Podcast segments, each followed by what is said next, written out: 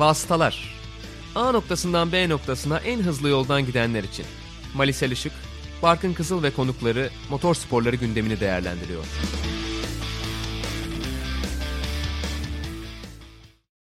Sokrates Podcast'te Vasıtaların 68. bölümüne hoş geldiniz. 3. sezon 25. bölümde ben Barkın Kızıl, Malisel Işık'la beraber sizlerle birlikteyiz ve bugün tabii ki Katar'daki ilk yarışın ardından bölümümüzü kaydediyoruz. Bu bölümde Formula 1 ile beraber Superbike Dünya Şampiyonası'nda dün şampiyonluğunu ilan ederek Türk motor sporları tarihinin en büyük başarısını elde eden Toprak Razgatlıoğlu'nu da konuşacağız. Bu şekilde bir akışımız var program içinde mi Ali? Valla sonu en keyiflisi olacak gibi ama önce bir Formula 1 konuşmamız lazım. evet. Başlayalım Formula 1 ile istersen. Yani yine ben aslında yarış olarak çok keyifli bulmadım. Geçtiğimiz bölümlerde de biraz bundan yakınıyordum. Ee, biraz sonu belli bir yarış gibiydi. Özellikle de Max Verstappen'in aldığı ceza ile beraber, geriye düşmesiyle beraber. O durumda tescillendi. Her ne kadar Max Verstappen çok iyi bir başlangıç yaparak aslında o ceza ile beraber kaybettiklerini hızlı bir şekilde geri alsa da tabii Lewis Hamilton için bir avantaj zaten meydana gelmişti bile. Dolayısıyla oradan da bir daha yakalanmadı Lewis Hamilton. Aslında yer yer bölüm yani bir bölüm. ilk, ilk viraj gerginliği görsek ama, iyi olurdu değil mi? Evet onu da göremedik. Hatta belki Alonso ile olur diye düşünüyorduk bu ilk viraj gerginliği. o da olmadı evet. O da olmadı. Orada da Pierre Gasly'nin araya girmesi biraz Alonso'nun çok agresif olamaması da sebep oldu zaten. Hamilton bir için şey rahat oldu. bir başlangıç oldu. Yani Max Verstappen öyle bir start aldı ki Alonso ile Max Verstappen ikinci virajda yan yana geldiler. Yani Alonso ve Verstappen'i ayrı ayrı düşünüyorduk startta ne yaparlar diye. Bir arada gördük neredeyse startta. Ama dediğin gibi Hamilton çok rahat başladı. Rahat da bitirdi. Hamilton için sıkıcı bir yarıştı diye tahmin ediyorum. Muhtemelen. Çünkü herhangi bir noktada tehdit altında değildi. Max Verstappen'in ara ara fark kapattığı oldu ama riske girmemek adına hep undercutlara bir sonraki tur cevap verdikleri için herhangi bir tehlikeli durum veya acaba dedikleri bir durum da ortaya çıkmadı. Ne Mercedes için ne Hamilton için. O yüzden açıkçası yani kimin kazanacağına dair çok net bir fikir olduktan sonra senin de söylediğin gibi yarışın öneminin keyfinin bir hayli azaldığını görüyoruz. Ama bence yarışla ilgili olumlu şeylerden bir tanesi ben geçiş yapmanın çok zor olacağını düşünüyordum. En iyi ihtimalle DRS treni göreceğiz diye düşünüyordum ama geçiş yapmak gayet kolay göründü hızlı otomobiller için. Evet özellikle Tabii cezalarla birlikte o kadar uzun bir start fiş düzlüğü olunca hani DRS ile beraber çok rahat geçti herkes birbirini. O anlamda hatta biraz bug'a gibiydi pistin. Aslında bence. çok uzun gibi düşünüyoruz da. Yani biraz öyleydi ama ya baktığımız zaman bir metrenin biraz fazlası çok yani takvimde eşi benzeri görülmemiş bir uzunluk değil. değil. Ama öncesindeki virajla birlikte takip edebilmek daha kolaymış anladığım kadarıyla. Ve DRS bölgesinde belki uzunluğu buna yardımcıydı. Çok gerilerden 20-30 metreden gelip geçişler yaptın. Özellikle Sergio Perez'in gördük. Evet. Yani Perez geriden başlamıştı kötü bir sıralama turlarıyla. Bottas ceza aldı, Verstappen ceza aldı. Bottas üstüne bir de çok kötü start alınca gerilerden gelen hızlı otomobilleri görebildik ve onlar hakikaten çok rahat geçiş yaptılar. E, geçiş anlamında çok problem görmedik o yüzden. Orta sektörlerde kirli havadan dolayı takip etmek çok zorlaşır ve DRS'ye kadar bence çok o fırsatı yakalayamazlar diye düşünüyordum. Ben tamamen yanıldım açıkçası. Hızlı bir otomobilin her zaman geçiş yapabildiğini gördük. Hatta birbirine yakın performanstaki otomobillerin de mücadele edebildiğini gördük. Tabii şey değil 4-5 viraj yan yana kalamıyorlar ama zaten onun için otomobillerin değişmesi gerekiyor. Onu önümüzdeki yıl göreceğiz muhtemelen. Birkaç özel an dışında sene boyunca çok gördüğümüz bir şey değildi o. O yüzden ya benim beklentilerimin üstüne çıktı ama tabii burada bir daha Formula 1 yarışı olmayacak bu pistte Losail pistinde.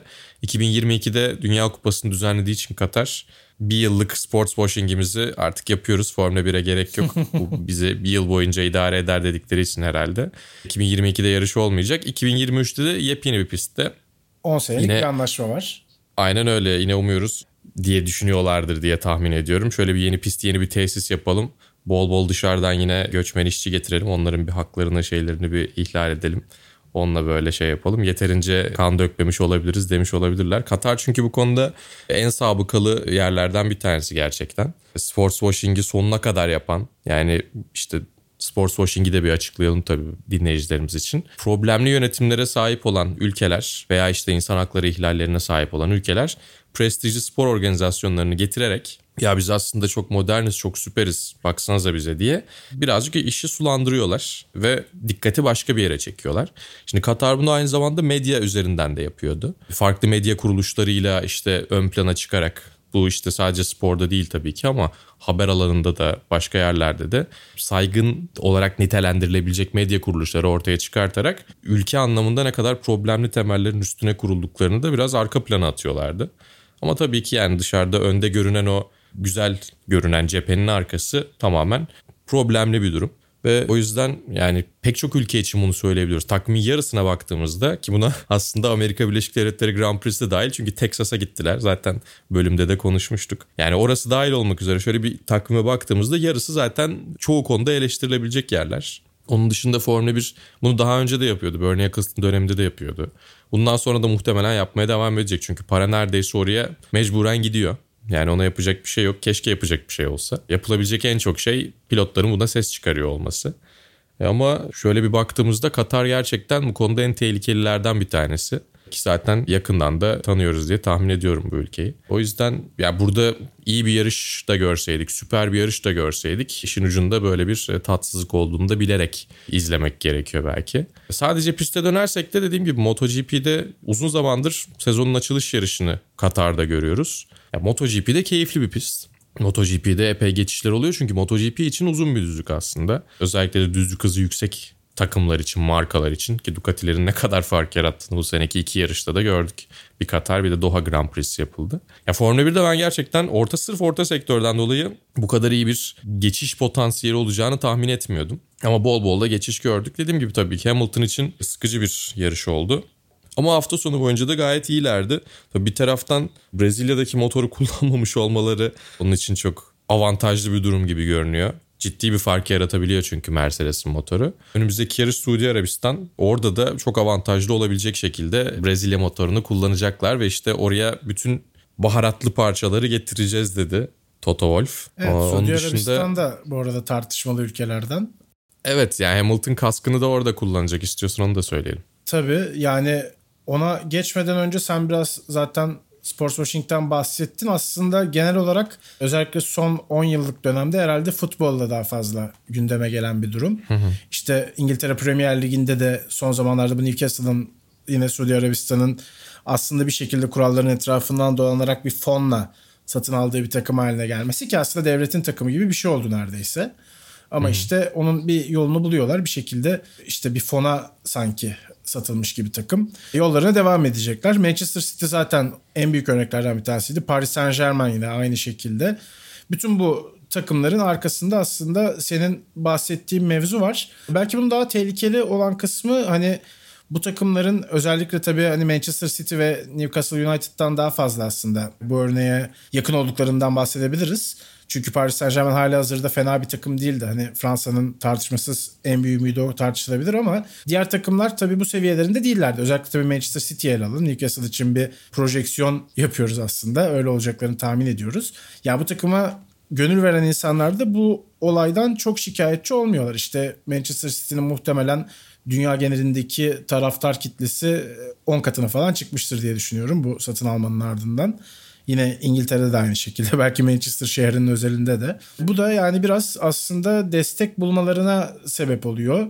Ve sport washing'i belki de kolay hale, belki de anlaşılabilir hale getiriyor en azından kamuoyu nezdinde diyeyim. Hani biz tabii spora bu şekilde bakan insanlar olarak anlayabiliyoruz neyin olup bittiğini. Ki Katar'da da zaten Dünya Kupası'nın Katar'a gelme sürecinde biliyorsun bir sürü yolsuzluk, rüşvet vesaire ayyuka çıktı ama Dünya Kupası da gerçekleşecek aynı şekilde. Suudi Arabistan'da ilgili üstüne... şunu söylemek lazım. Gir istersen araya sonra Suudi Arabistan'a geçelim. Yani Katar'da bir de stadyumların yapımında, tesislerin yapımında da e, hayatını Çalışma kaybeden işçiler, işte vesaire. hakkı verilmeyen işçiler tamamen işte bütün hayatını işverenine teslim ediyorsun. Tekrar çıkabilmek veya iş değiştirebilmek için bir vize alman ve o vize için işvereninden izin alman gerekiyor falan. Korkunç şartlar var. Senin söylediğin gibi gelmesi zaten sıkıntı ama testlerin hazırlanması ayrı bir sıkıntı. Bununla ilgili de yine Amnesty International'ın 2021 e, raporu e, okunabilir. E, onu da hemen dinleyicilerimize söyleyelim. E bir de işte şimdi yepyeni bir pist yapılacak. Evet. Kim bilir orada ne olacak yani. Yani evet o pistin de tabii hem işletilmesinde, öncesinde yapımında çalışma şartları, insanların durumları nasıl olacak hiçbir fikrimiz yok. Yani bir fikrimiz var ama o fikrimiz çok iyi yönde pozitif bir düşünce yapısı içinde değil herhalde onu söylemek lazım. Suudi Arabistan'da da daha zaten bundan herhalde bir bir ay kadar önce kıyafet kuralları açıklanmıştı örneğin. Mutlaka denk gelmiş. Sonra geri adım atmak zorunda kaldılar çıkan tepkiyle. Evet yani hani ne giyecekti orada takım çalışanları ben anlayamadım zaten onu gördükten sonra. Zaten sıcak bir iklime sahip ülke ve yani vücudun her tarafı kapalı bir şekilde olması gerekiyor gibi bir düzenleme.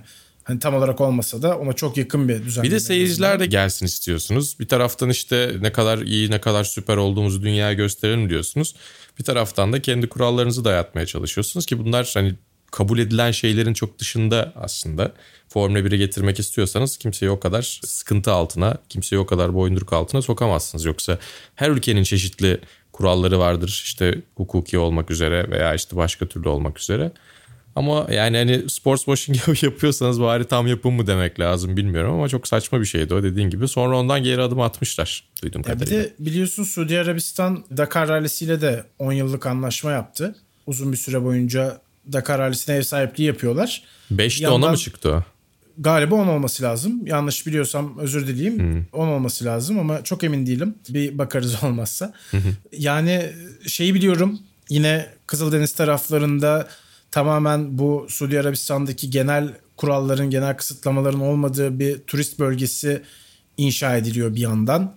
Aslında biraz dünyaya açılmaya çalışıyorlar. Biraz hem petrolün herhalde yani petrol azalıyor mu emin değilim ama petrolün dünyadaki etkisi azalıyor elektrik teknolojisiyle beraber vesaire. Aslında biraz da hani sadece petrol geliri olarak değil ülkeyi biraz da turizm üzerinden tanımlamak, biraz daha dünyayı açmak gibi bir vizyon elde etmiş durumdalar ama yani yaptıkları ama o vizyonda Dubai'yi batırdı biliyorsun.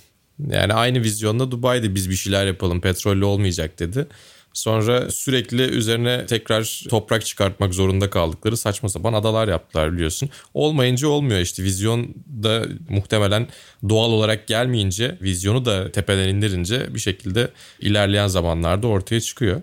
Evet yani tabii önümüzdeki hafta yani önümüzdeki bölümde daha doğrusu önümüzdeki hafta değil bir kısa aramız olacak Formula 1 takviminde. Zaten çok yoğun geçmişti şu ana kadar da. Belki herkesin ihtiyacı da vardı bu araya. Bir sonraki bölümde zaten Suudi Arabistan özelinde biraz daha bunlardan bahsederiz demek lazım. Evet, Hamilton'ın kaskıyla kaskı. kapatalım o zaman. Değil mi? Bence de. Hamilton'ın kaskını konuşalım. Yani normalde şu ana kadar gördüğümüz en cesur tasarımlardan bir tanesi desek herhalde yanlış olmaz diye düşünüyorum. Çünkü normal şartlarda hukuki olarak riske girebileceği yerlerde de kullanacak gibi. Çünkü Katar'da getirdi bu kaskı. E, Suudi Arabistan'da ve muhtemelen Abu Dhabi'de de kullanacağını söylüyor. Ki aynı şekilde bence Sebastian Vettel bunun çok benzeri bir şeyi Macaristan'da yapmıştı. Orada da Viktor Orban hükümeti LGBT karşıtı yasalarla gündeme geldiği için maskesiyle, tişörtüyle, kaskıyla, ayakkabılarıyla hatta gökkuşağı ile birlikte Gökkuşağı işte. adam şeklinde gelmişti. Aynen gerçekten öyle gelmişti. Sonuçta coğrafyasına bakmaksızın bu tarz insan hakları karşıtı hükümetleri bir şekilde eleştirmek gerekiyor. O yüzden o konuda Sebastian Vettel ve Lewis Hamilton birbirlerini çok güzel tamamlıyorlar. Son dönemin bir yıl hariç şampiyonları olarak Nico Rosberg'in şampiyon olduğu yıl dışında baktığında 2010'dan beri bu adamlar şampiyon oluyor ve şu anki performanslarına bakmaksızın zaten sporun yüzü olmayı hak etmiş isimler.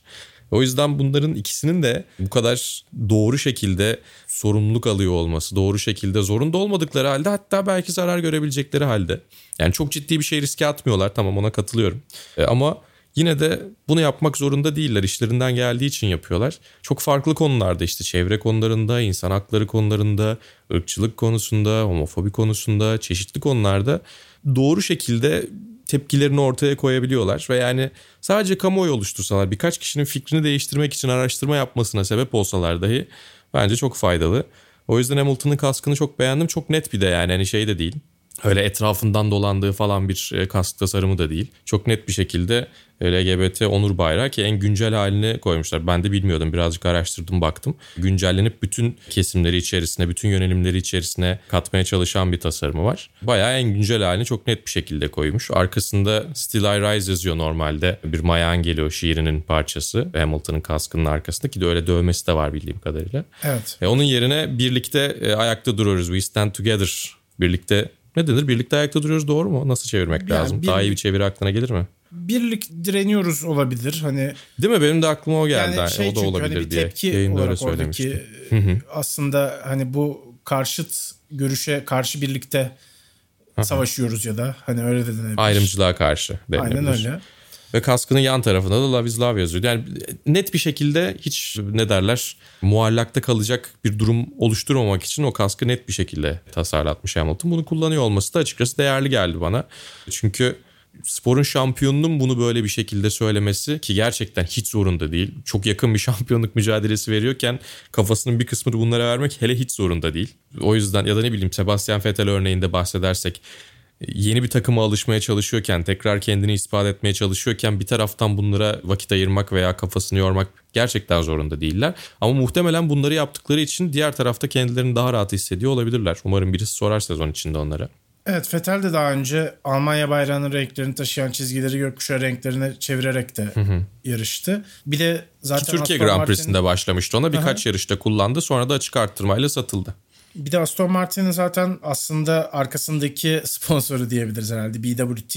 Bir hı hı. su yani firması. Filtreleme Ve markası. Su filtresi markası. Aynı zamanda Vettel'in dünyadaki işte çevre kirliliğiyle de çok yakından aslında ilgilendiğini, o konuya dikkat çekmeye çalıştığını biliyoruz. Deniz yaşamı, okyanus yaşamı, kuraklık, çoğu, çoğu çevre problemine önem veriyor. Yani hepsinin ya aslında son dönemde şöyle bir durum var dünya ile alakalı çevre anlamında zaten bir şeyler yapmamız çok uzun zamandır gerekiyordu. Yani benim çocukluğumdan beri gerekiyordu. Şimdi biraz daha e, markalar da bu işe yönelmeye Yumurta başladılar. Yumurta kapıya dayanınca biraz. E, evet öyle oldu başladı. işte elektrikli serilerin ortaya çıkmasının sebeplerinden bir tanesi buydu. Extreme E isimli serinin yine Alejandro Agag'ın Formula 1'in sahibinin ortaya çıkardığı serinin bir ortaya çıkma sebebi buydu. Ki Lewis Hamilton'ın da orada takımı var. Çok eminim ileride Sebastian Vettel'le bir takımda evet, bence orada yer alacak. Hatta orada işte yöneticiliği de biraz yakıştırmıştık hatırlıyorsan. Evet, Sebastian evet. Vettel'e yapmak isterse eğer.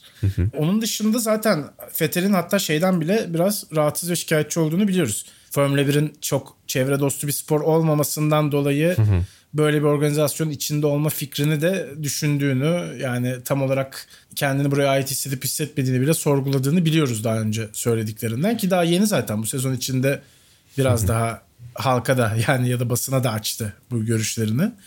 Yani şu anda griddeki en çok şampiyona sahip iki isim bu konulara, bu hassas konulara, duyarlılık gösterilmesi gereken konulara aslında eğiliyorlar. Dikkatte çekiyorlar. Şöyle de bir ikilem var aslında Barkın. Yani bu işin içerisinde bulundu, bulunmaktan rahatsız olup da bırakmak belki sadece kendini kurtarmak da olabiliyor kendi içinde rahat edebiliyorsun ama kalıp bir şeyleri değiştirmeye çalışmak biraz daha zor olsa da çünkü yani kolay değil ne olursa olsun sanki daha faydalı gibi. Çünkü bir kamuoyu oluşturdular. Mesela geçtiğimiz yıl bir Race as One Formula 1'in kendi takımlarının renkleriyle bir gökkuşağı oluşturmak zorunda bıraktılar neredeyse. Lewis Hamilton'ın tepkileriyle birlikte, Sebastian Vettel'in onu desteklemesiyle birlikte ki yani bu ikili Formula 1 ile ilgili çok net bir görüşe zaten sahipler. Çünkü hatırlayacaksın Netflix'te de bir bölümün adıydı aynı zamanda Drive to Survive'da. E, Cash is King muhabbetini önce Vettel söylüyor. Kendi aralarında konuşurken gibi söylüyor. Sonra Hamilton da evet doğru deyip basına bunu yansıtıyor. Koronavirüs pandemisi yeni başlamışken McLaren'ın katılmama ihtimali daha doğrusu McLaren'ın çekileceğini açıklamışken biz hala niye buradayız diye konuşuyorlardı. Ve onun sebebi de tabii ki paraydı. Çoğunlukla motor sporlarında, spor dünyasında hatta belki çoğu büyük organizasyonda cevap para gibi. Ama bunun karşılığı ne? Onu konuşmak gerekiyor. Onun karşılığında nelerden vazgeçiliyor, nelerden vazgeçilmiyor onları konuşmak gerekiyor. Belki vazgeçilmeyecek şeyleri değiştirmek anlamında bu iki isim ve onları takip eden genç pilotlar bir şeyler değiştirebilirler. Çünkü yani günümüz dünyasında gerçekten tamamen bu düzenin içerisinde yer almadan yaşamak mümkün değil gerçekçi de değil. Dolayısıyla mutlaka bir şekilde istemediğimiz bir şeylerin parçası oluyoruz. Pet şişede su tüketirken de bunun parçası olabiliyoruz. Çok daha günlük şeyler de yaparken yani farkında olmadan bu işin içerisine girebiliyoruz. Ucunun gittiği yerleri çok fazla tahmin edemediğimiz veya bilsek de bir şey yapamadığımız şeylerin içinde olabiliyoruz. Ama bunu azaltabilmek en azından etki yaratmak için elimizden geleni yapmak e, gayet güzel bir durum. Tabii şunu da söylemek lazım kendi elimizden geleni yapmak diyoruz ama e, bu karbon ayak izi muhabbeti biliyorsun son dönemde çok ön plana çıktı. Hepimize sırtımıza kocaman bir yük bindirildi. Şunu da söylemek lazım bireylerden ziyade endüstrilerin ve evet. bu konudaki çok büyük fabrikaların işte markaların bu konudaki şirketlerin aslında bir şeyler yapması gerekiyor. Çünkü zaten bir petrol şirketi tarafından ortaya konmuş bir çalışma karbon ayak izi. Bunu kişilerin üstüne yıkmamak da gerekiyor diye düşünüyorum. O yükü, o duygusal yükü, o işte ne derler ağırlığı da biz taşımamalıyız. Bizim yapmamız gereken şey tabii ki eğer mümkünse eğer çalışan bir sisteminiz bir demokrasiniz varsa en yakınızdaki sizi temsil eden kimlerse onlara bir şekilde bunu iletip bizim talebimiz bu şekilde siz de gidin bunları asıl değiştirebilecek asıl kirliliği yaratan asıl zarar verenlere e, çeşitli yaptırımlar uygulayın demek diye düşünüyorum. Evet bir de zaten devletlerden ya da işte yetki sahibi, etki sahibi aynı zamanda büyük şirketlerden başlayan bir değişim olduğu zaman ister istemez halka da geçecek. Yani düzen böyle olduğu için biz de biraz böyle yaşamak zorunda kalıyoruz. Hı hı. Belki de oradan başlaması gerekiyor değişimin. Ama senin söylediğin şu çok doğru bence de. Yani buradan burayı bırakıp gitmek çok iyi bir tercih olmayabilir gerçekten. Burada olarak işte insanların göz önünde görünürlüğü kaybetmeden bir şeyler yapmak e, daha etkili kesinlikle. Zaten Mercedes'in aslında belki çevreyle ilgili değil ama bu defa ırkçılıkla alakalı işte siyah livriyle o klasik gümüş oklar diye bir lakabı da olan takımın gümüş renkle yarışmamasının sebebi de yine bu. Ve bu şekilde de aslında bizim de vasıtalara kadar konuşmamızı sağlıyorlar. Yani hiç bunlar göz önünde olmasaydı biz de bu problemlerden haberdar olmamıza rağmen bir Formula 1 podcastinde de bunları konuşmuyor Gündemimiz olacaktır. olmayacaktı değil mi? Bunu gündem yaratıyor olması bile bence de çok faydalı. Çok doğru söylüyorsun. O zaman dönelim istersen yarışa. Hı hı. Valtteri Bottas 3 sıra, Max Verstappen 5 sıra ceza almıştı. Çift sarı bayraklar altında yavaşlamadığı için aldığı bu cezayı da beklediğini tek, söylemişti. Verstappen'inki Verstappen. çift. Onu da söyleyelim. E çünkü şey pist üstünde normalde gerçekten biraz karmaşa olmuş Pierre Gasly'nin lastiğinin patlaması sonucunda. Çünkü bir problem var. Araç yavaş ilerliyor ama bir taraftan ilerleyebiliyor. O yüzden e, önce bir bayraklar var çift sarı bayrak oluyor. Sonra tek oluyor. Sonra tekrar çift oluyor galiba. Arada bir yeşil bayrak oluyor ama burada önemli olan pilotların ekranında veya işte zaman ekranlarındaki değil pistte sallanan bayrak. Ki pistte sallanan bayrakları görebiliyorlar pilotlar. Oradan geçtiği sırada görebileceği yerde çift sarı bayrak sallandığı için Max Verstappen ve aynı şekilde tek sarı bayrak sallandığı için Valtteri Bottas ceza aldılar. Tek sarı bayrağın cezası 3 sıra, çift sarı bayrağınki 5 sıra daha önce zaten verilen cezalardı bunlar. Chris Norner biraz pist görevlerini eleştirmiş ki yani ne denirse onu yapıyor açıkçası. Onlar gönüllü olarak yer alıyorlar. Onlar olmasa bir yarış hafta sonunu düzenleyemiyorsunuz yani. Öyle bir durum var. Ee, biraz sert eleştirmiş. Tamam kendi işlerinde takım patronlarıyla ya da işte çeşitli şeylerde bunu yapması doğal ama e, bu sefer Michael Massey'nin çok sert bir tepkisiyle de karşı karşıya kalmış ve pist görevlilerinden özür dilemek zorunda kalmış. Ben ona çok şaşırdım. Michael Massey'i de takdir ettim ki bu sene herhalde ilk defa. Ve açıkçası birazcık orada haddini aşmış e, Chris Norner. Ki yani dediğim gibi şampiyonluk mücadelesi içerisindeki yaptığı açıklamaları bir taktik içerisinde değerlendirmek lazım. Sonuçta belli bir amacı var ve onun için yapıyor. Toto Wolff da aynı şeyleri yapıyor fırsat bulduğunda. Chris Norner da aynı şeyleri yapıyor.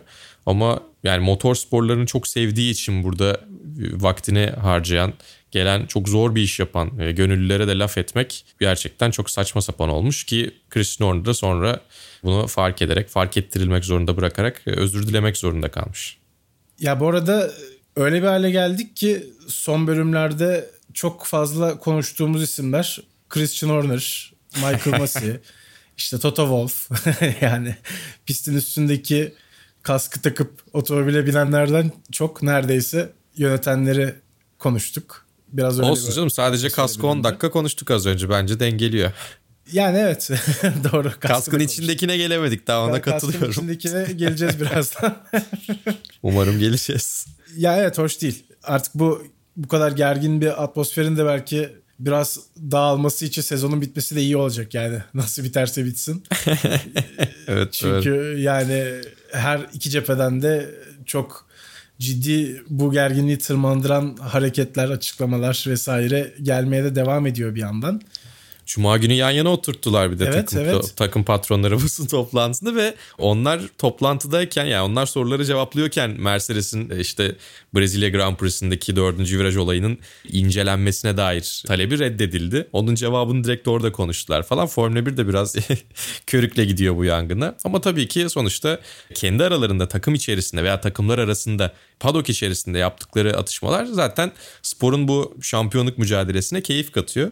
Ama dediğim gibi durup dururken motor sporlarının en değerli noktası görünmez kahramanları diyebileceğimiz insanlara laf etmekte birazcık ayıp olmuş. O zaman pilotun da görseydi çift sarı bayrakları yapacak evet. bir şey yok. Karmaşa olabilir ama çok net bir şekilde görünüyor. Riske atmasaydı. Pist görevlileri Brezilya'da da tartışılmıştı biliyorsun. Bu Lewis Hamilton'a giden Brezilya bayrağıyla alakalı aslında işte pist görevlisinin o şekilde Hamilton'ın yanına gitmemesi gerekiyor. Okuduğum hikayeyi bilmiyorum. Kendi aralarında bir iddiaya giriyorlar işte. Max Verstappen kazanırsa ben götüreceğim o bayrağı diyor bir tanesi pist görevlilerinin. Diğeri de diyor da diyor ki Hamilton kazanırsa da ben götüreceğim işte. Sonra bir şekilde ulaşıyor. Orada da biraz konuşulmuştu. İşte kuralların ihlali aslında bir yandan ama bilmiyorum bir yandan da güzellik katıyor. Yani tabii ki güvenlik en önemli şey.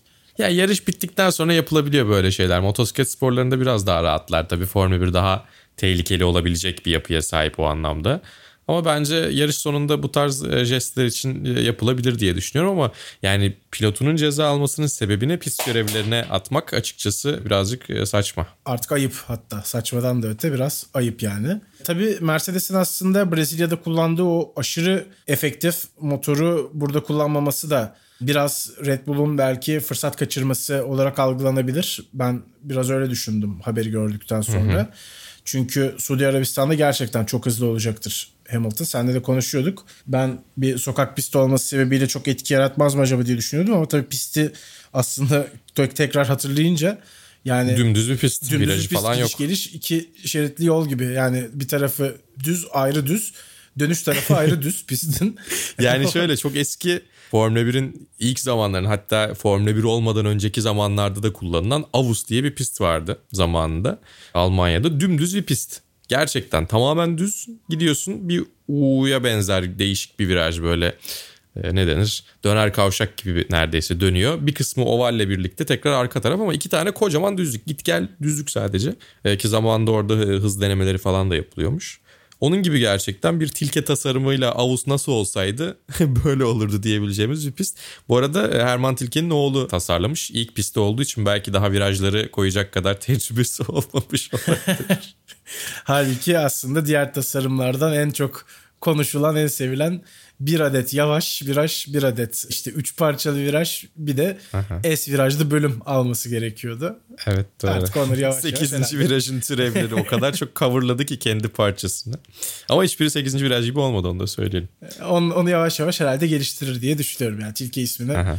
Bu yeni jenerasyonla beraber daha da uzun duymaya devam edeceğiz gibi duruyor. Bakalım evet. yani ilk kullanılan pistte de beraber bir türlü dönemiyoruz yarışa farkındaysan. Tabii onu diyordum yani Hamilton iyi bir sonuç almış oldu. Tek başına geçirdi yarışın neredeyse tamamını.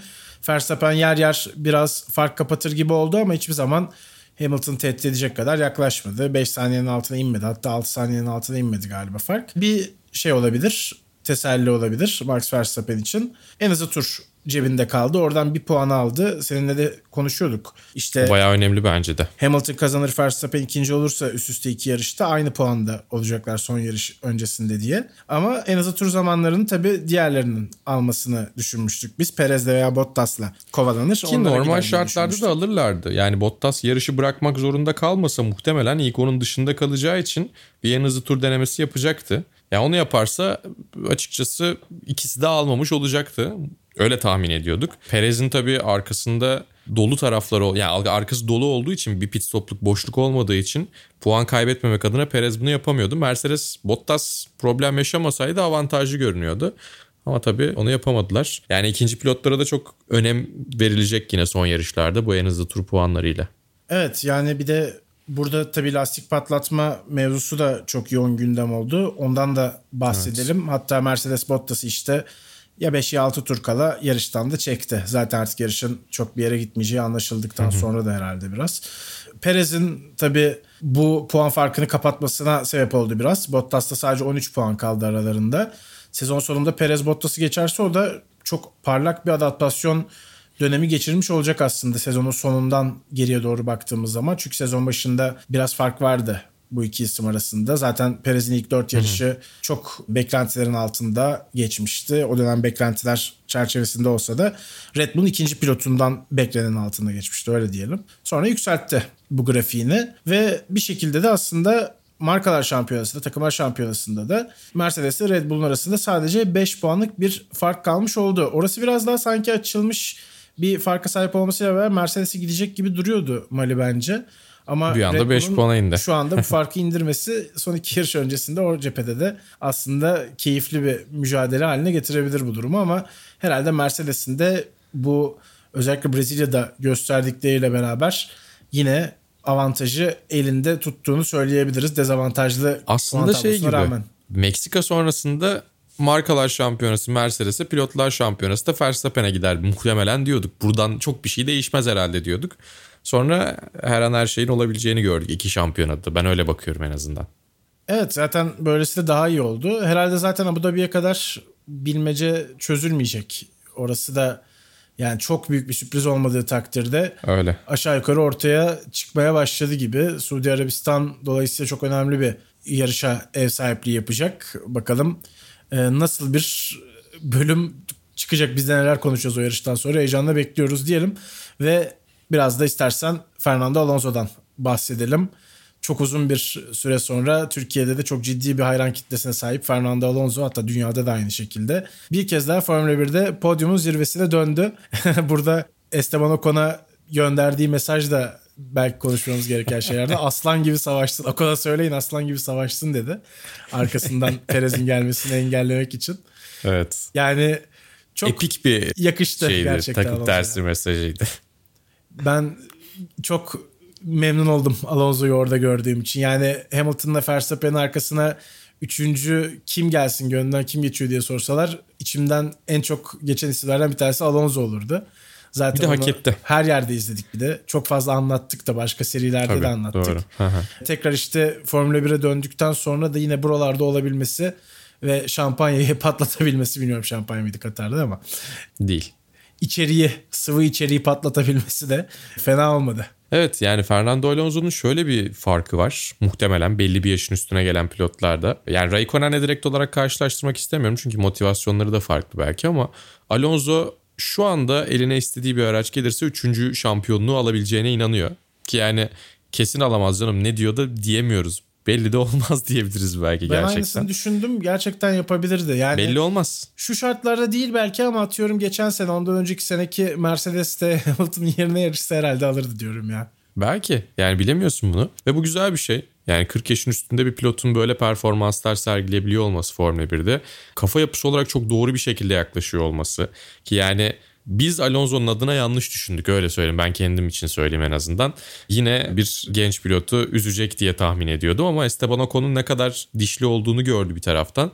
Bir taraftan ara verdikten sonra dönmenin ne kadar zor olduğunu gördü ve kendi hatalarına, kendi eksikliklerine çok net bir şekilde ışık tutuyordu sezon boyunca verdiği röportajlarda. Ya bunların hepsi çok kıymetli. Çünkü iki kez dünya şampiyonu gerçekten kendisinin çok iyi olduğunu düşünen ve iyi olan bir pilot olarak öğrenmeye de bu kadar açık olması bu podyumun bence en büyük mimarı. Takımla çok güzel bir şekilde çalışıyor. 2022'de dönseydim muhtemelen çok iyi bir şekilde dönemezdim. Bu yıl hatalarımı, eksikliklerimi görüp kapatmam lazım ki seneye herkes neredeyse biraz sıfırlandığında ben de iyi bir şeyler yapabileyim diyor.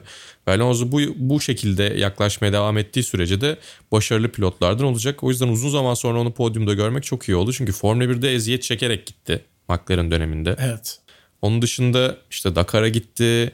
Daytona 24 saati kazandı. Le Mans 24 saati kazandı. Pek çok şey yaptı. Şampiyon da oldu. Ee, Ve bunun şampiyon oldu zaten. Bek'te. Yani bunların hepsini yaptı.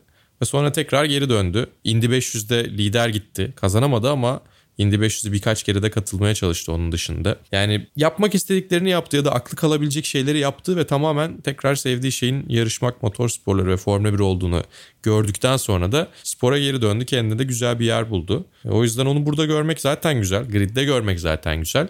Ama üstüne bir de podyuma çıkarken görmek her, herkesi mutlu etmiştir diye düşünüyorum. Alonso'nun podyuma çıktığına sinirlenen kimse yoktur herhalde. Muhtemelen yoktur. Yani Esteban Ocon için de aslında çok iyi bir şans. Fernando Alonso gibi bir isimle beraber yarışabiliyor olmak. Onu zaten Macaristan'da kazanarak da taçlandırdı. Yani Ki o da iyi puanlar aldı bu yarışta. yoktu bence. Yani Alonso ile beraber bir motorumu paylaşıyor olmak bile çok başlı başına bir sürücüyü geliştirebilecek bir durum. O açıdan Esteban Ocon'da şanslı olduğunu söylemek lazım. Belki Alpine'in de hatta şanslı olduğunu söylemek lazım. Böyle bir ismi takımda bulundurdukları için. Onun dışında günün sürücüsü de seçildi zaten. Fernando Alonso haklı olarak bence. Ve yani umuyoruz onu daha fazla tekrar podyumda da görmeye devam ederiz. Önümüzdeki yıl tabii dengeler nasıl olacak bilmiyoruz. Ama şöyle başı oynayan takım sayısı artarsa Alonso da Alpine'le beraber o takımlardan bir tanesinin içinde olursa gerçekten çok keyifli olabilir bizler için. Var mı Alonso ile ilgili ekleyeceğim bir şey yoksa biraz lastiklerden de şöyle bir ufak bahsedelim. Bir iki ufak istatistik verebiliriz aslında. Tabii. Ee, yine Formula 1'in sitesinde de vardı. Sevgili Serhan Acar da Serhan abi de bana birkaç tane kendisi ek yaptı. Yazarak göndermiş sağ olsun. Biraz onlardan bahsedebiliriz çünkü Macaristan 2014'ten beri yani 105 yarıştır podyuma çıkmıyordu. İki podyum arasında en çok yarışa çıkma rekoru bu. Tabii iyi bir rekor değil belki ama. E, son 35 yılda da 40 yaşın üstünde olup podyuma çıkan 3. isim. Michael Schumacher Avrupa 2012, Pastor Maldonado sağ olsun. Ve 1994 e, Avustralya'da Nigel Mansell. Onun dışında tabii yani en yaşlılar dendiği zaman sporun ilk yıllarına, Formula 1'in ilk yıllarına baktığımızda çok var. Yani işte 50 yaşlar, 45'in, 46'ın üstü. Zaten en yaşlı şampiyon Juan Manuel Fangio 46 yaşında şampiyon olmuştu. O yılları katmadığımızda ilk üçe giriyor öyle söylemek lazım. E, bir de onun üstüne tarihte podyuma çıkan en yaşlı 23. pilot oluyor işte o yüzden. 2675 gün beklemiş 98. podyumunu elde etmek için. Umuyoruz 100. podyumunu elde etmek için o kadar beklemez. Evet biraz da lastiklerden bahsedelim. Pirelli'nin de aslında bu kadar fazla lastiğin patlamasını kesinlikle beklemediğini ifade edebiliriz. Zaten buraya mümkün olan en sert hamurlarla gelmişlerdi. Ama mümkün olan en sert hamurlar bile çok durumu kurtarmaya yetmedi enteresan bir şekilde.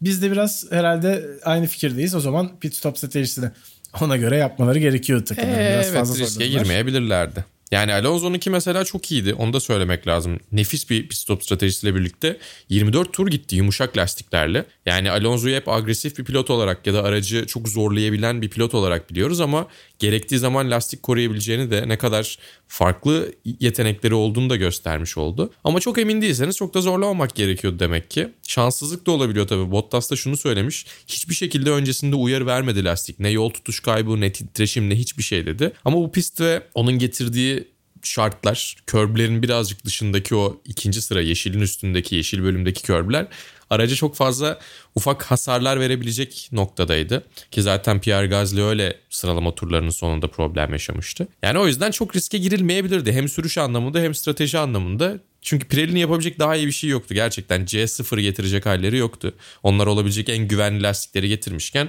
biraz ona göre davranmak gerekiyordu herhalde. Şanssızlık tabii yine ama. Evet Williams'lar iki araçta birden sıkıntıya düştüler. Aynı şekilde lastik patlattılar tabii. Yani çok risk alınan bir stratejik karar olduğunu söylemek lazım. Tek pit stop'un ve bu riskler bazı isimlerinde biraz canını sıktı. Ellerinde patlamış oldu. Bir yandan da tabii Ferrari McLaren rekabetini de aslında gündemde tutmaya devam ediyoruz. nazar değdirdik. Bir o üçüncülük, beşincilik mücadelesine nazar değdirdik gerçekten. Ama biraz şöyle oldu sanki Mali. Yani bu noktada evet Ferrari şu an öne çıkmış vaziyette ama bundan sonraki işte özellikle Suudi Arabistan'da McLaren'ın avantajlı olacağını söyleyebiliriz şu ana kadar gördüklerimize bakarsak. Aha. Dolayısıyla aslında belki Ferrari'nin avantajlı olduğu bir bölüm oldu. Sonra da McLaren'ın avantajlı olduğu bir bölüm gelecek. Ki Ama işte burayı 40 da puan çok bence. McLaren. Yani yani 40 puan kapatabilmek çok çok kolay değil bence zirveye oynamayan takımlar için artık. Çünkü alabileceğim puan da çok fazla değil yani düşündüğünde. Evet Katar'da Zor da bence fırsat artık. kaçtı diyebilir miyiz? Yani kaçtı şanssızlıktan sonuçta Norris'in de yaşadığı lastik problemi nedeniyle basınç kaybeden bir lastik slow puncture dedikleri. O yüzden ekstra bir pite gelmek zorunda kaldı Norris. Ama yani 35 olacaktı. Fark 33 olacaktı. Neyse 30 olacaktı. Yine son iki yarışa 30 puan farklı girmek de üçüncülük mücadelesi veren iki takım için bence çok fazla. %100. %100 öyle. Belki de bir Ferrari'nin Alpine 25 puan topladı. Problem Beşincilik mücadelesinde. Evet yani muhtemelen hata veya problem bekleyecekler. Evet Alpine için de tabii önemli bir adım oldu bu. Alfa Tauri'nin 25 puan önüne geçtiler. Pierre Gasly'nin önüne geçtiler demeyeyim artık o evet. kadar da yapmayayım. ama avantaj Sunoda toparladı ama hala tabii Scuderia Pierre Gasly. Biraz Doğru. öyleler. Gasly de puan tablosunun ilk onu içinde yer alamadı. Daha doğrusu puan tablosunun dışında kaldı. Sıralamanın ilk onunda yer alamadı. Dolayısıyla Alpine için tabii avantajlı bir pozisyon oluştu. Şu anda takımlar şampiyonasında beşincilik Alpine yakın duruyor. Ama göreceğiz. Bundan sonraki yarış hafta sonlarında ne olacağını göreceğiz. Diyelim Belli ve olmaz. Formula 1'i kapatıp biraz da istersen Superbike Dünya Şampiyonası'nda şampiyon olan Biraz bir şampiyon konuşalım Toprak değil mi? Razgatlıoğlu'nu konuşalım artık istersen yavaş yavaş. Konuşalım. Yani sezonun açılışında aslında bizim yine değindiğimiz şampiyonlardan bir tanesiydi tabii ki de. Toprağı yakından takip ediyoruz ki kendisiyle gerçekleştirdiğimiz vasıtalar bölümünde tekrar dinlemenizi tavsiye ederim. Şampiyon olmadan önce almıştık. Belki şampiyon olduktan sonra gelmek isterse tekrar alırız. Tekrar Bakalım almak isteriz değişmiş. evet. Olursa tabii çok güzel olur. Bu konuda temaslarımızı da gerçekleştirelim. Böyle bir söz vermiş oldum bölümün içinde. Bakalım olacak mı? yani şunu söylüyorduk. Ray'in en büyük rakibi Toprak olacak bu sezon ki Ray 6, 6 kez üst üste şampiyon olmuş bir isim orada. Formula 1'de Hamilton'ın dominasyonuna benzeyen bir dominasyon olarak görebiliriz. İşte Superbike'a çok yakın olmayan dinleyicilerimiz varsa. Ve bu dominasyonu kıran isim olabileceğinden bu sene çok güçlü bir aday olduğundan söz etmiştik. Toprak Razgatlıoğlu'nun ve beklentilerimizi de boşa çıkartmadı aslında Toprak.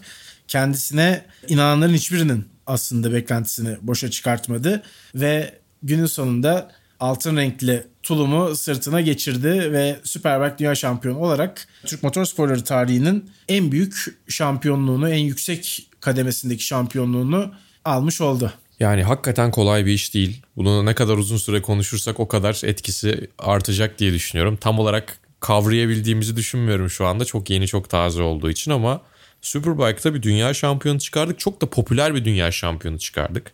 Yani izlemesi çok büyük bir keyif zaten toprağa ve herkes bundan sonra neler yapabilir? En fazla neler yapabilir? MotoGP'de şampiyon olabilir mi? Ya da Superbike'da kalırsa kaç kez şampiyon olabilir onu konuşuyor. Ya bu çok güzel bir şey. Çünkü biz hep söylüyoruz ya başarıların devamlılığı da önemli. Çünkü diğer spor dallarına baktığımızda çok ekol oluşturmayı bilmeyen bir ülke olduğumuz için arada bir güzel başarılar denk geliyor. Bir daha acaba ne zaman denk gelir diye düşünüyoruz. Motor sporlarına baktığımızda hem otomobil hem motosiklet sporlarına baktığımızda bundan sonra ne yapabilirler? Önümüzdeki 5-10 sene içerisinde kariyerleri nereye gelebilir diye çok net bir şekilde düşünebiliyoruz. Yani burada çok güzel bir nesil yetişti tabii işte Kenan Sofoğlu'nun yetiştirdiği bir sürü genç yeteneğimiz var. Ve onların hepsi ayrı ayrı şampiyonluklar, başarılar, podyumlar, galibiyetler elde edecekler. Ketmeye de başladılar zaten işte ilk şampiyonluğu da gördük. Yani açıkçası açıkçası beni çok heyecanlandırıyor toprağın ileride neler yapabilecekleri. Ve bu yıl çok daha rahat şampiyon olabilirdi. O da bence rakipleri için çok demoralize edici bir şey olsa gerek. Çünkü bitiremediği yarışların tamamında kendi şeyleri dışında e, ne derler? Kendi yapabileceği şeylerin dışında, kendi kontrol edebileceği şartların dışında şeyler başına geldiği için puanları masada bırakmak zorunda kaldı. Belki Portimao da rahatlıkla şampiyonluğunu ilan edip Mandalika'ya, Endonezya'ya işi bitirmiş olarak bile gelebilirdi. Çok daha erken bitirebilirdi. Öyle bakıldığı zaman seneye aynı performansı sergilediğinde muhtemelen biraz daha şanslı olacaktır ve e, seneye işler çok daha farklı olabilir. Yani bir Joan Mir şampiyonluğu değil onu söylemeye çalışıyorum. Doğru şartlar bir araya geldi ve o sayede toprak şampiyon oldu kesinlikle değil. Hatta tam tersi bundan sonra doğru şartları bir araya getiremeyen toprağı oradan indiremez gibi geliyor. Ve dediğim gibi bunu bir Türkiye'den çıkmış bir sporcu için bunları söyleyebilmek beni açıkçası çok mutlu ediyor. Çünkü oralarda yer almak bile eskiden bir başarıydı. Sonrasında galibiyetler veya podyumların mümkün olduğunu gördük toprakla ve şimdi şampiyonluğu gayet beklenen bir şeydi diye konuşuyoruz. Sezon başında iki ihtimalden birisiydi diye konuşuyoruz. Ve bence çok büyük bir lüks bu ve bu lüksün de tadını çıkarmamız gerekiyor. Evet tabii aslında son zamanlarda Salih Yolç'un Le Mans 24 saat galibiyeti, Ayhan Can'ın Carrera Cup serilerindeki şampiyonlukları vesaire derken yavaş evet, yavaş... Cem Bölükbaşı'nın Euro Formula Open'da kazandığı yarışlar ki önümüzdeki yılda çok güzel şeyler yapacakmış gibi duruyor ufak ufak söylentiler Aha. çıkmaya başladı Formula 2 ihtimalleri var diye. Teste çıkacak o kesin ama yani çok güzel şeyler var bir taraftan işte yani bir çırpıda 15 tane isim 15 tane sporcu sayabiliyoruz. İşte Rally'de Avrupa'da Balkan serilerinde Balkan kupasında kupalar geliyor. Yani oturup saymaya başladığımızda programın bir 10 dakikasını çok rahatlıkla sadece saymaya harcayabileceğimiz yıllar geçiriyoruz. Ve mutlaka arada birilerini unutuyoruzdur diye düşünüyor olmak bile bir lüks dediğim gibi. Evet öyle gerçekten. Yani buralarda yer alan herkesin adını bir çırpıda sayamıyor olmak senin dediğin gibi çok hem ümit vaat edici hem de aslında biraz geldiğimiz noktanın nerelerde olduğunu da bize çok güzel bir şekilde anlatıyor. Tabii bizim saymamız lazım onu da söylerim o bir ya, şey değil bahane ki, bulmuyoruz. Tabii ki canım yani zaten. Ama ezberlemesi öyle. vakit alıyor demek bile farklı bir şey bence yani. Hoş. Ya bir de işte hani isminin konuşulması çok ayrı o somut şekilde şampiyonluğu almış olmak bunu vura vura yapmış olmak ki yani son yarışa zaten şampiyon çıktı Toprak mesela. Yani ihtiyacı bile yoktu o yarışa çıkmaya. Evet. O şekilde şampiyonluğu almıştı. Bu işte serinin en dominant isimlerinden bir tanesine karşı belki tarihin en büyüğü denebilecek seviyede olacak emekliliğinde Jonathan Ray. Çünkü Toprağ'ın herhalde burada önümüzdeki sezondan sonra kalmama niyeti de olabilir. Kalırsa bu arada bu ünvana da gidebileceğini ben düşünüyorum. Yani özellikle şu anki motosikletle beraber inanılmaz bir uyum sağlamış durumda. Yani müthiş frenajlar, o frenajlarla yaptığı savunmalar, aynı zamanda o frenajlarla yaptığı geçişler. Yani pist üstünde toprakla mücadele etmeyi imkansız kılıyor neredeyse.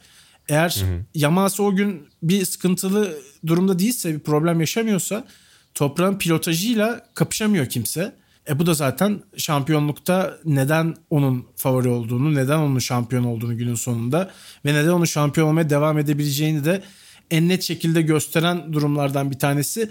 Yani her zaman motor sporları aslında makineyle insanın birlikteliği ne olursa olsun. Ama orada insan faktörü biraz daha öne çıktığı zaman, sürücü faktörü biraz daha öne çıktığı zaman bence rakipler için daha da demoralize edici oluyor. Evet yani önlenemez bir hız olunca gerçekten rakipler çok etkileniyor diye düşünüyorum. Ve yani Toprak buradan sonra daha da gelişmeye devam edecek yani burada kalmayacak seviye olarak. Daha iyi bir sürücü olmaya devam edecek her yıl her geçen yıl. Yani biz de keyifle izlemeye sizler işte izgeyle anlatmaya devam edeceksiniz. Ama ben çok mutluyum. Evet umuyoruz kendisini MotoGP'de de görebiliriz tamamen Premier sınıfta. O da başı oynamak istiyor. İzge de çok sık bahsediyor zaten bundan. Hani MotoGP'de rastgele bir takım değil, şampiyonluk için mücadele edebileceği bir takımla öyle bir motosikletle yarışmak Yani ya fabrika söylüyor. Yamaha'sına ya da tamamen fabrika destekli bir Yamaha'ya gitmesi gerekiyor artık bu saatten sonra. Üstüne seneye bir daha şampiyon olursa zaten e, tamamen şartları kendisi öne sürecek ve takımı ikna etmek zorunda kalmayacak. Takım onu ikna etmek zorunda kalacak. O yüzden doğru adımlarla gidiyor olabilir yani düşündüğümüzde eğer gitmek istiyorsa tabii ki. Evet en büyük düşündürücü olan şu anki fabrika yama takımının sürücü kadrosu olabilir. İşte belli olmaz değişebilir onlar da. Yani Ama Quartararo testlerde laf etmiş yani çünkü biraz Yamaha'ya. Sezon ortası testinde gelen 2022 motosikletinin aynısını getirmişler. Daha fazla şey görmem lazım falan demiş. Yani Morbidelli belli olmaz iyi bir performans sergileyemeyebilir. Yani şu anda baktığımızda Ducati mesela net gibi görünüyor. Oraya girmek çok kolay değil ama Yamaha fabrikada da boşluk açılma ihtimali öyle çok imkansız değil bence. Evet bakalım neler olacak. Tekrar Toprak Razgatlıoğlu'nu tebrik ederek bölümümüzü de kapatalım. Artık bundan sonra sezonda sadece iki yarış kaldı Formula 1'de. İlk olarak Suudi Arabistan sonrasında da Abu Dhabi ile noktayı koyacağız. Şampiyonluk savaşının kızıştığı haftalarda, vasıtalarda sizlerle beraber olmaya devam edeceğiz diyelim ve vedamızı gerçekleştirelim. Bir sonraki bölümde görüşmek üzere. Hoşçakalın. Hoşçakalın.